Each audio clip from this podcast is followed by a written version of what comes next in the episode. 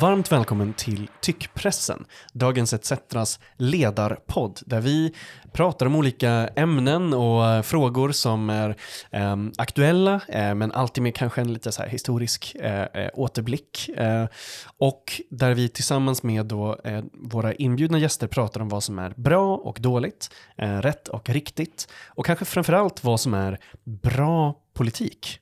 Jag som programledare heter Max V Karlsson och med mig idag har jag Selma Brodej, varmt välkommen tillbaka. Tack så mycket. Och Laila Vianden, välkommen tillbaka du också. Tack så mycket, hej. Um, ni är så himla välkomna just idag av alla dagar också. För idag är ju nämligen annandag kvinna. Um, och jag har tänkt att vi ska prata lite om det, uh, om uh, både 8 mars och 9 mars och skillnaden däremellan kanske. Um, och, och ni är ju uh, tvättäkta fullblodsproffs när det gäller poddande. Ni har ju varit med båda två och vet hur det här funkar.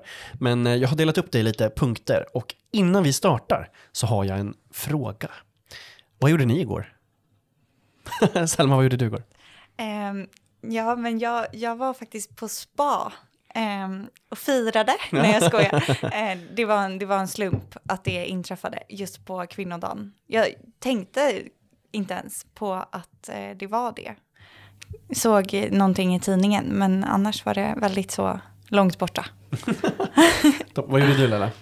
Jag blev hämtad på jobbet av min man som Eh, han hade pratat med en kollega från, eh, med rötterna på Balkan som berättade om hur man firar 8 mars där och där blir Ooh, kvinnor hur gör man det? Uppfattade. Ja, lärare, kvinnliga lärare får presenter av sina elever, mm. makar och pojkvänner köper blommor och bjuder på middag. Och sen på kvällarna om man vill så får man gå ut och bränna ner porrbutiker. Oj! Men gud, det låter helt otroligt bra! Så de följer ja. inte alls den här linjen av eh, säg inte grattis liksom? Nej, man får både och. Det, jag förstår inte hur det kunde bli så fel. Eh, från Jugoslavien är det ju perfekt. Ja, verkligen. Ja, verkligen. Brände du ner någon porrbutik då? Ja. Nej, jag, jag somnade. Ja. Eh, Men också, också väl värt. 8 mars. Eh, den första punkten här har jag valt att kalla radikala rötter och rafflande renommé. Och den 8 mars är ju en kampdag. Mm. Den 8 mars kommer, eh, eller har sin, sin bakgrund i ehm, eh, bland annat då en jätteuppmärksammad strejk 1909 som heter Shirtwaist-strejken eh, eh i New York. Där det var eh, 20 000 eh, kvinnor, kvinnliga arbetare, framförallt judiska arbetare i New York, ehm, som, som jobbade på fabriker, som gjorde en kvinnostrejk. de vann den här strejken. den tog några månader och den här strejken eh, tillskrivs ofta Ehm, väldigt stor historisk betydelse för att man synliggjorde kvinnors arbetsvillkor på ett helt annat sätt än vad man kanske hade gjort tidigare. Det blev liksom en, en gigantisk uprising och, och liksom ett, ehm, ett förändrat synsätt på eh, eh, kvinnors villkor. Eh, är 8 mars fortfarande en kampdag? Är, finns det någonting att kämpa för den här 8 mars eller ska det bara vara en livsstilsfråga som alla hjärtans dag eller någonting nu? Vad säger du Lella? Ja men det är klart att det finns väldigt mycket kvar att, att kämpa för den, den 8 mars. Och, eh, men så, så, så, är det, det är svårt idag. Eh, det är svårare. Rörelsen ser annorlunda ut eller också är det jag som har, har tappat liksom all kontakt med rörelser. Eh, många av frågorna har lyfts upp och blivit mycket mainstream. Eh, det är liksom inte radikalt att man vill ha lika lön längre till, till exempel eller en, en, pension som man kan leva på. Mm. Eh, jag känner inte så här, några revolutionära susningar så här, i min om, omgivning kring, kring 8 mars. Eh, tyvärr, för det hade varit, det hade varit roligt. Så Mm. Det behövs men det är svårt. Jag tror att det är, jag, jag, tror att precis som du säger att, att det, rörelsen som man beskriver det har ju förändrats eh, eh, väldigt många gånger eh, och, och, finns på massa olika sätt men, men framförallt eh, också för att då eh, eh, ja, men den sociala kontexten förändras i det här där frågor som kanske har varit jätteradikala som lika lön eh, eh, eh egentligen eh, ser ut som att den har liksom tappat fart trots att det kan vara väldigt aktuellt fortfarande. Verkligen. Verkligen. Vad känner du Selma, finns det någonting att kämpa för den 8 mars? Men jag tänker att eh, 8 mars är väl som en symbol för den feministiska rörelsen generellt. Eller det är väl liksom ett exempel, ett mer extremt exempel på hur feminismen ser ut idag. Och just det här du var inne på, att det är väldigt eh, kommersialiserat. Eh, det är väldigt mycket fokus på så symbol eller så här yt, ytliga typer av eh, uttryck för feminismen eh, snarare än den här politiska kraften. Eh, eller den, den, känner inte jag av lika starkt och jag tror att det är precis som du var inne på också att det är en det är kopplat till att eh, feminismen har blivit mer av en eh, av en folklig eh, idé. Liksom, den är inte så subversiv, den är inte så radikal idag utan den är mer någonting som de, den stora majoriteten har köper och eh, är en del av, vilket, vilket kan kännas lite paradoxalt med tanke på att det betyder inte nödvändigtvis att eh, kvinnor har det supermycket bättre än när feminismen var mer radikal. Nej, man missar väl snarare vissa bitar. Alltså jag känner att den har blivit så abstrakt, att det är så uh. luddigt, att man bara liksom missar vissa grejer. Jag, skulle, jag skrev ner några fakta som jag ville skriva, eh, eh eller som jag ville säga till er här. Um, så här då, eh, var femte LO-förälder uppger att, alltså det är en förälder i LO-yrke, mm. uppger att barnomsorgen sällan eller aldrig är öppen när de jobbar. Var femte. Eh, fyra av tio arbetare jobbar på helger, kvällar och nätter och sju av tio kvinnor jobbar på obekväma arbetstider. Men 2016 saknade tre av tio kommuner ett nattis och eh, det, det, ser inte ut som att det finns en utveckling överhuvudtaget som går framåt i det där. Eh, flera kommuner har till och med då avskaffat det här. Åtta av tio kvinnor, så lite efter eh, pandemin, åtta av tio kvinnor arbetar i kontaktyrke. Väldigt många kvinnor jobbar ofrivillig deltid. Hälften av alla kvinnor kan inte hålla fysiskt avstånd på jobbet, vilket är liksom är helt, helt crazy. Um, fyra av tio, nära fyra av tio av kvinnor uppger att tillgången till skydd under pandemin var låg eller obefintlig trots behov. Um, och många tvingas gå till jobbet sjuka för att de inte har råd att vara borta.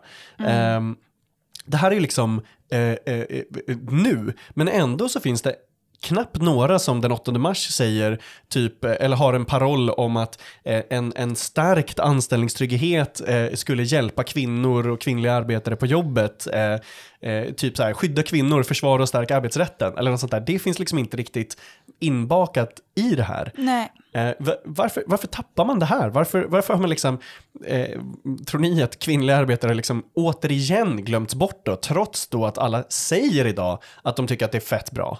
Nej, men jag tänker att när, när arbetarrörelsen tappar, vilket den ju gör, eh, alltså den, den generella långa trenden är ju att, att arbetarrörelsen tappar, då, då tappar man ju de, de frågorna också. För det, det är ju vänsterfrågor. Feminism i, i en, en, konsekvent feminism är ju en politisk fråga och en vänsterfråga också. Och, och med, med med, med en försvagad, ett försvagat arbetarkollektiv så, så lyfts ju inte arbetarkvinnornas arbetssituation heller. Det, Nej, verkligen. Och det lyfts ju inte av männen i arbetarrörelsen heller. Jag menar, om man tittar på de försöken som finns att så här, prata ordentligt om arbetarrörelsens kvinnor och de pionjärerna och allt sånt där. Det är, det är en, en jävla kamp att ens hitta de dokumenten som finns, liksom de få dokumenten som finns kvar om de som, som, som faktiskt gjorde det jobbet. Liksom. Ja, verkligen. Mm. Men vad skulle du säga Selma, liksom, varför, alltså, vi, vi känner ju rätt många liksom, i vår ålder som har haft osäkra skitjobb liksom. Mm, eh, på, typ så inom hotell och restaurang och inom så här, vidriga och hemska chefer och allt sånt där. Liksom. Varför är den frågan liksom inte en, eh, en ses inte det som en så här, superfeministisk fråga nu? Nej, men jag, jag, tror att det handlar om att eh, den, den feministiska inriktningen riktningen som dominerar idag är snarare en eh, högerfeminism eller en typ av eh, feminism vars mål är att typ kvinnor ska bli män. Alltså att kvinnor ska få jättemycket makt och jättemycket pengar. Och i den feminismen så, är det in, så är det, finns det ingenting att sträva efter när det kommer till typ en stärkt välfärd. Just det. Eh, för det gynnar inte så direkt, alltså man ser inte den kopplingen eh, mellan att så här, ja men om, om vi hade till exempel Nattis. Nattis, eller, ja. jättebra exempel, så hade det, och, och faktiskt inte bara gynnat kvinnor. Vill du spara och samtidigt göra världen lite renare? Då har ETC tagit fram en lösning för dig. Vi har startat ETC Bygg för att få igång byggande av hyreshus utan vinstjakt, utan miljöförstöring och med lägre hyror. Spara direkt i husen till 2% ränta. Läs mer på etcbygg.se. Jag bad er att titta på en, en artikel som finns på ETC där 30 profiler har fått svara på vad de tycker är den viktigaste frågan för kvinnor under valåret. Det är eh, eh massa olika personer som eh, Gudrun Schyman och Märta Stenevi och Amineh Kakabaveh och eh, Marie Linder från Hyresgästföreningen och, och sånt där. Fanns det något svar i det här som ni tyckte var särskilt intressant eller som ni eh, tänkte på? Eh, som fastnade. Vad, vad tänker du, Samma? Nej, men jag tyckte det var intressant att om man gjorde någon slags generell analys av mm. alla svar så var ju de, de absolut mest återkommande dels eh, inkomst och lika löner kopplat till pension också. Mm. Men sen också mäns våld. Ja, det var väldigt återkommande. Det var ju väldigt återkommande och dels ur ett så kanske mer direkt eh, kvinnoperspektiv, alltså så mäns våld i hemmet mm. och eh, kvinnor som liksom utsätts för misshandel eh, av sina män. Men också ett mer så, eh, en lite mer diffus koppling mellan mäns våld mot varandra, eh, mäns krigande är väldigt aktuellt just nu. Mäns våld mot klimatet var det några som just tog upp. Det. ja men eh, precis. också var liksom intressant att sätta det i den, i den framingen. Ja men verkligen. Eh, men att det var ju, jag tror det var någon som, som skrev någonting om så här förlossningsvården också. Men annars var det verkligen de två frågorna som är mest centrala. Och det, det tänker jag var en ganska bra så här, eh, omvärldsanalys. Att så här, var befinner vi oss? Vilka problem återstår? Och det kanske är de två framför allt. Det var jätteintressant att höra. Vad, vad, vad fastnade du på Lella, när du läste det här? Nej, jag, jag, jag får bara hålla med Selma här. Jag tyckte det var en jättebra observation att det, det är ju mäns, kvinnor mot våld och sexuellt våld å ena sidan och sen kopplingen till arbetslivet och, och vad, vad det innebär eh, i livslön och pension och så. Att de är återkommande och sen, ja, sen så nämner man, man efterlyser feministiska analyser av klimatet, av kriget, vilket också är rimligt för där redan svaga grupper drabbas ju hårdare i olika typer av katastrofer och konflikter. Jag, eh, jag tyckte att eh, Caroline Ringskog hade ett ganska bra inlägg på Instagram där hon så skrev om att eh, H&M har ju länge så här kampanjat med tröjor kanske med så feministiska budskap. Det finns så här citat från Beyoncé om att så här, eh, girls run the world mm. eller sådana, den typen av liksom statement-tröjor. Eh, men att hon, att hon skrev att så här, ja men H&M har fel, eller så här H&M's tröjor har fel. Tjejer styr inte världen och så var det bara så bilder på alla eh, statsministrar och premiärministrar, alltså alla länders eh, ledare mm. och att det var så Putin, Macron. Sleepy Biden. Det, det, eh. det, det är jätteplatt, alltså det är så platt, men ändå blev jag så här, jävlar, hon har en poäng. För det kändes så lite exotiskt att se ett sånt inlägg. Ja, men exakt, exakt. Och, och då, så långt bort har ju då feminismen då liksom förskjutits mm. egentligen. En grej är ju att saker som absolut inte är kanske bra för kvinnor eller till och med kanske direkt skadliga för kvinnor kommer tillbaka i feministiska kläder. Mm. Eh, eh och att det gör det under framförallt liberalfeministiska kläder. Ehm, jag skulle vilja fråga hur ni tänker på det, för att det här är till exempel då en sån grej, är ju tradwife-trenden. Tradwife-trenden är ju trenden där vissa influencers och vissa eh, kända kvinnor formar bilden av att det är bra, att, att det är bra med traditionella kvinnoroller. Mm. Att det är bra för kvinnan att vara hemma med barnen mycket mer, att eh, ha en, en eh, lång och fin klänning på sig för sin man eh, eh, och liksom att den typen av roll faktiskt var bra. Och att den då kommer tillbaka men att man pushar för den att ja men den är väl feministisk om kvinnorna har valt den själva. Om kvinnorna väljer den här, är det då inte feminism, säger de. Och så blir det typ dominerande för att det finns inga som riktigt säger emot det. Det finns inga som säger, det där är bullshit och ett sätt att fjättra oss tillbaka i hemmet igen. Men liksom vad, hur ser ni på den, den rollen? Liksom, kan någonting som är anti-kvinnor bli feministiskt om bara kvinnor vill ha det själva? Vad säger du Laila? Alltså individuella livsval är ju inte min sak att lägga, lägga mig i det är inte en, en feministisk fråga överhuvudtaget. Vill man vara hemma så, så, får- så får man ta det mot sin gud. Liksom, det, har, det har ju inte med, med feminismen att göra. Så här.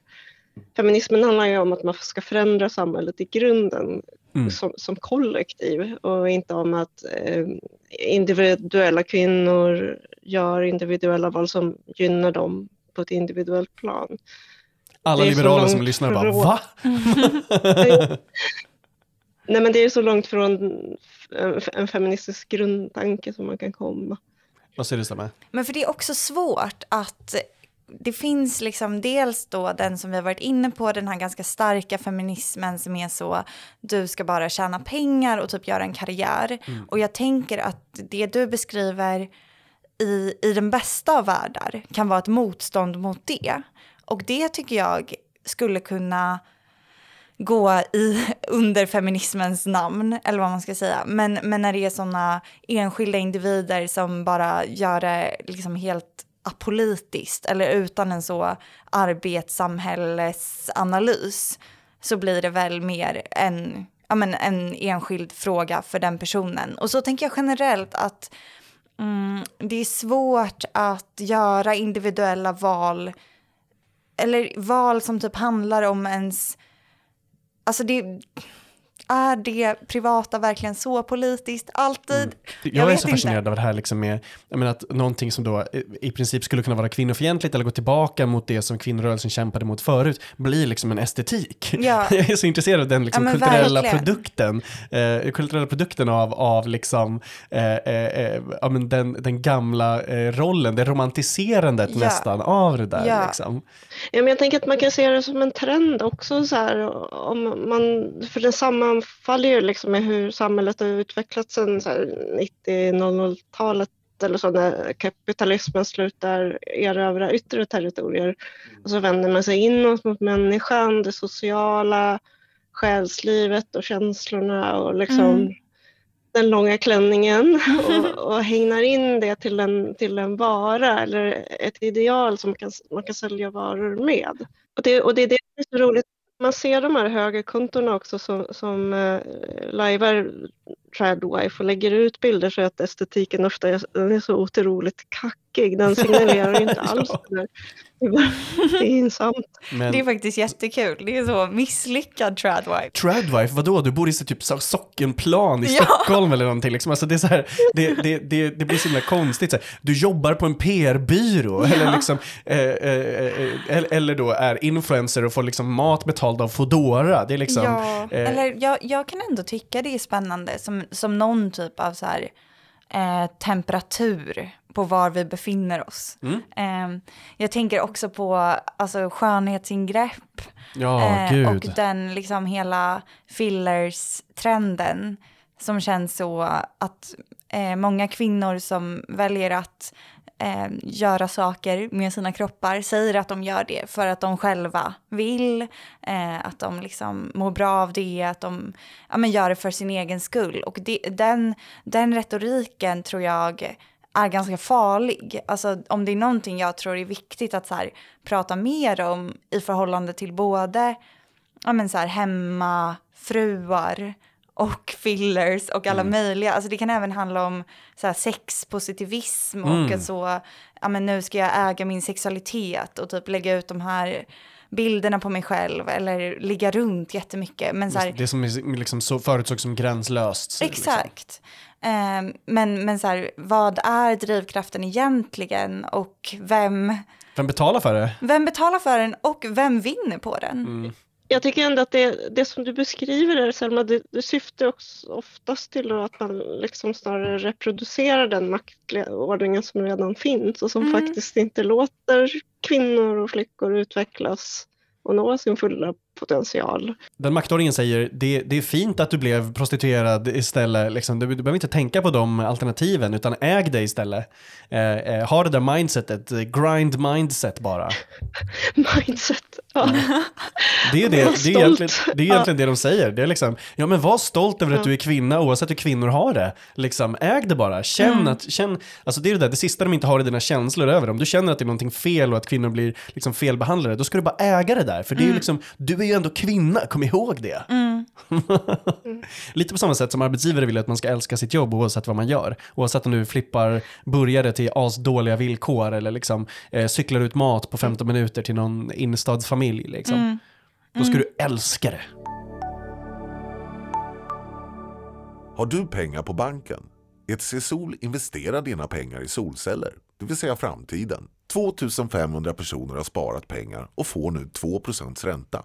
Vill du vara med? Läs mer om hur du sparar på etcsol.se.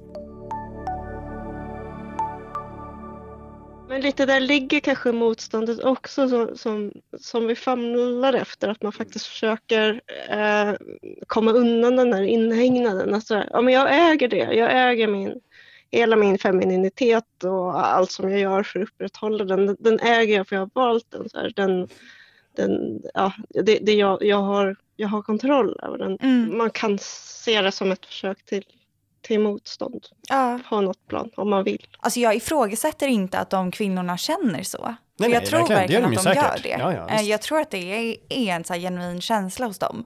Men mer var den känslan kommer ifrån. Kan allting vara feminism? Jag vet inte, jag tänker att man kanske, alltså att det har blivit ett så luddigt begrepp som sträcker sig mellan liksom allt från Ebba Busch Mm. till så typ den nya tunnelbanestationen ska vara en vagina. Just det. Alltså att allt det är så här feminism.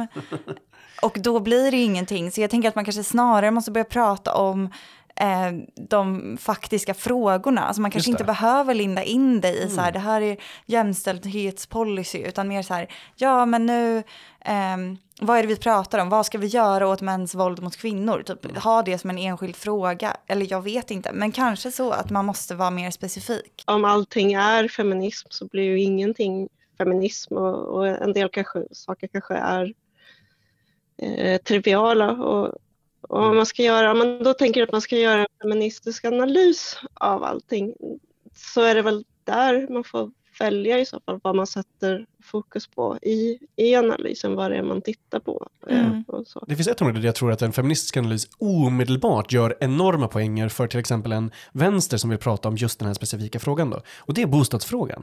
Alltså att prata om eh, möjligheten att lämna farliga relationer. Eh, eh, det kan man i princip bara göra om det finns lägenheter tillgängliga hos till exempel en allmännytta. För att det privata den privata hyresvärden kommer aldrig ha något intresse i att ha tomma lägenheter som väntar på någon. Eh, eh, och så. så där är en sån ingång där jag tror att den analysen är liksom väldigt skarp för bostadspolitiken. Den är väldigt svår Ja. att säga emot. Verkligen. Eh, och då finns det massor av kommuner som idag inte har allmännyttor överhuvudtaget. Eh, till exempel så här, rikemanskommuner som Danderyd och Täby. Ja. Ehm, att, att då kunna säga, ja men eh, eh, i, i Täby finns då risken att en kvinna inte kan lämna ett våldsamt förhållande för hon har inte råd att flytta. Ehm, den, den ingången tycker jag är liksom, i den, här, i den frågan tycker jag att det är liksom svinskarpt och svinbra. F- också för att där har inte motståndet hunnit organisera sig. Det finns Nej. liksom inget antifeministisk eh, liksom, eh, eh, bostadspolitik som är aktiv eller uttalad eller typ traditionell och konservativ sådär. Utan deras, rörel- eller deras grej är ju att marknaden löser allt. Men det, det gör det ju inte. Ja men verkligen, och typ alla frågor som rör så eh, tvåsamhetsnormen Mm. på ett sätt. För den är väl ofta, alltså den som har minst pengar blir ju oftast mest negativt drabbad av den, tänker jag. Eh, vi ska gå vidare till den sista punkten. Ehm, och det är, eh, den har jag valt att kalla eh, Hur vann girlbossen? Och hur förlorade kollektivet? Eller hur förlorade vänsterfeminismen? Om jag säger girlboss, vad tänker du då? Höga klackar. Mm, mm. Vad tänker du Laila om jag säger girlboss? Ja, jag, jag tänker på en väldigt framgångsrik kvinna som kanske inte alltid är så trevlig. Det är ju, tanken är ju typ att det ska vara en, en, en eh, eh, kvinna som är sig själv i den mansdominerade världen och lyckas. Det är ju typ det. Eh, eh, eh, men framförallt någon som liksom är självständig och då självständig inte bara från en man utan från typ alla. Eh, alltså även från kvinnor och även från rörelsen.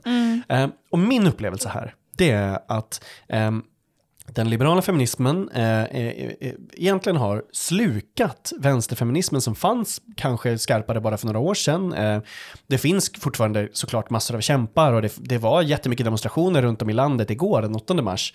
Eh, men jag upplever att girlbossen är, är liksom det eh, temat som ändå vann, som ändå har vunnit. Den bilden av den framgångsrika kvinnan i mannens värld.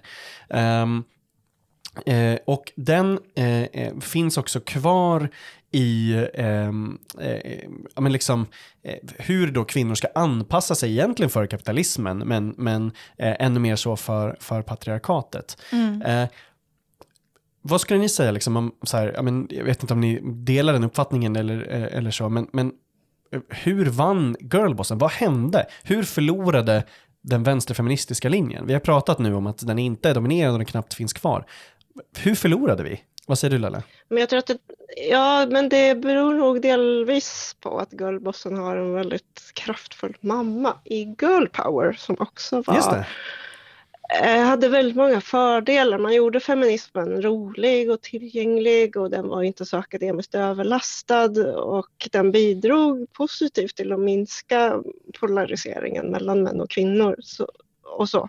Men den, den blev också kommersialiserad och då blev den ganska ytlig och eh, eh, avpolitiserad. Eh, eh, och, och så. Det centrala budskapet som i girl power det blev ju att kvinnor ska ta kontrollen över sig själva istället för att man ska enas och montera ner ett förtryckande system. Just det, omfördela makt så Eh. blev liksom omfördela makt till mig. Ja, precis. Är jag framgångsrik så är jag en symbol för andra kvinnor som inte är det och på något sätt så är det positivt för alla de kvinnorna som, som, inte, som det inte går lika bra för. På det magiska sättet jag eh, så, så hjälper Ja. det alla de andra också. Men hur, Mm. blev, hur blev det så? Hur hamnade vi där? Dels tror jag ändå att så här, vi lever i ett eh, kapitalistiskt samhälle och det är mer tacksamt i det samhället att applicera en sån feministisk retorik. Absolut, inget behöver ju förändras. Jag, jag tror ändå att vissa saker kanske så här, eh, på en väldigt ytlig basis behöver förändras. Alltså så inkvotering av typ kvinnor i styrelser och så tänker man, ja ah, men bra, då är den här styrelsen jämställd. Men, men sen tänker jag också att det ändå är lite vänsterfeminismens fel. Eller så här, jag tror att vänsterfeminismen hade kunnat göra vissa saker annorlunda och nått ett resultat där den var lite starkare idag, eventuellt. Eh, och det tänker jag handlar dels om att det känns som att vänsterfeminismen ganska snabbt blev väldigt så eh, tjejer på konstfack som målar eh, fittor, typ. Alltså, eller för Att- mig kändes det så att Ja. så här, de, de, de tog över, eller liksom högerns retorik kring vänsterfeminismen tog över och det var den retoriken. Vi, eh, vi ska eh, avsluta för idag. Som vanligt så vill jag fråga er om ni har någonting att skicka med idag, annandag kvinna, till eh, män och kvinnor som lyssnar, eh, till allihopa som, som lyssnar. Eh, till, jag har en amerikansk podd som jag lyssnar på som brukar säga guys, gals and non-binary pals. Men Selma, har du någonting du vill hälsa till eh, Tyckpressens lyssnare? Ja, nej men jag tänkte faktiskt tipsa om en bok som ehm, rör det vi har pratat lite om av Bell Hooks som gick bort nyligen. Eh, den heter The Will to Change och handlar om eh, hur, eh, nu kommer jag säga ordet ändå, så pinsamt, patriarkatet Oh. påverkar män och att eh, det är liksom inte bara kvinnor som drabbas av de patriarkala strukturerna och hon undersöker det på ett väldigt spännande sätt i förhållande till kärlek, arbete, relationer, eh, familj, allt möjligt. Våld är väldigt centralt också. Och jag tänker att det är lite det vi kanske måste ta med oss på något sätt. Att så här, vi, vi har en gemensam fiende. Det är inte så att så här, mannen är förövaren och kvinnan är offret, utan det är mer att mannen är förövaren och alla är offret. Eller alla Just är det. offer. Det var jätteintressant. Eh, har du något som du vill skicka med till Tyckpressens lyssnare, Lella? Ja, det har jag. Eh, de hyfsat progressiva massrörelser som vi har sett i väst på sistone, de har också slagits ner. Vi kan se det inom Labour och Demokraterna. Eh, och så jag tycker faktiskt, det jag vill skicka med just till annandag 8 mars, eh, det är att ehm, man måste fortsätta stödja och organisera sig inom de progressiva sammanhang som finns och liksom hålla infrastrukturen levande tills det kanske kommer en, en ny våg, får vi hoppas på. Och kanske spela en mer aktiv roll då. Men ge inte upp utan for, fortsätt att stödja det som är progressivt som finns. Jag tycker att det är en jättebra poäng. Mm. Jag brukar ju ofta säga det där med få är de politiska spåkulor som för några år sedan kunde säga att vi skulle hamna där vi är idag eh, på ett korrekt sätt, liksom, som kunde spå det på ett korrekt sätt. Och på samma sätt så är det ju jättesvårt att spå vilka frågor som kommer att vara eh, de mest levande eller eldiga eh, eh, eh snart. Liksom. Eh, och och det, det är en hoppfull tanke. Jag, jag, gillar verkligen det.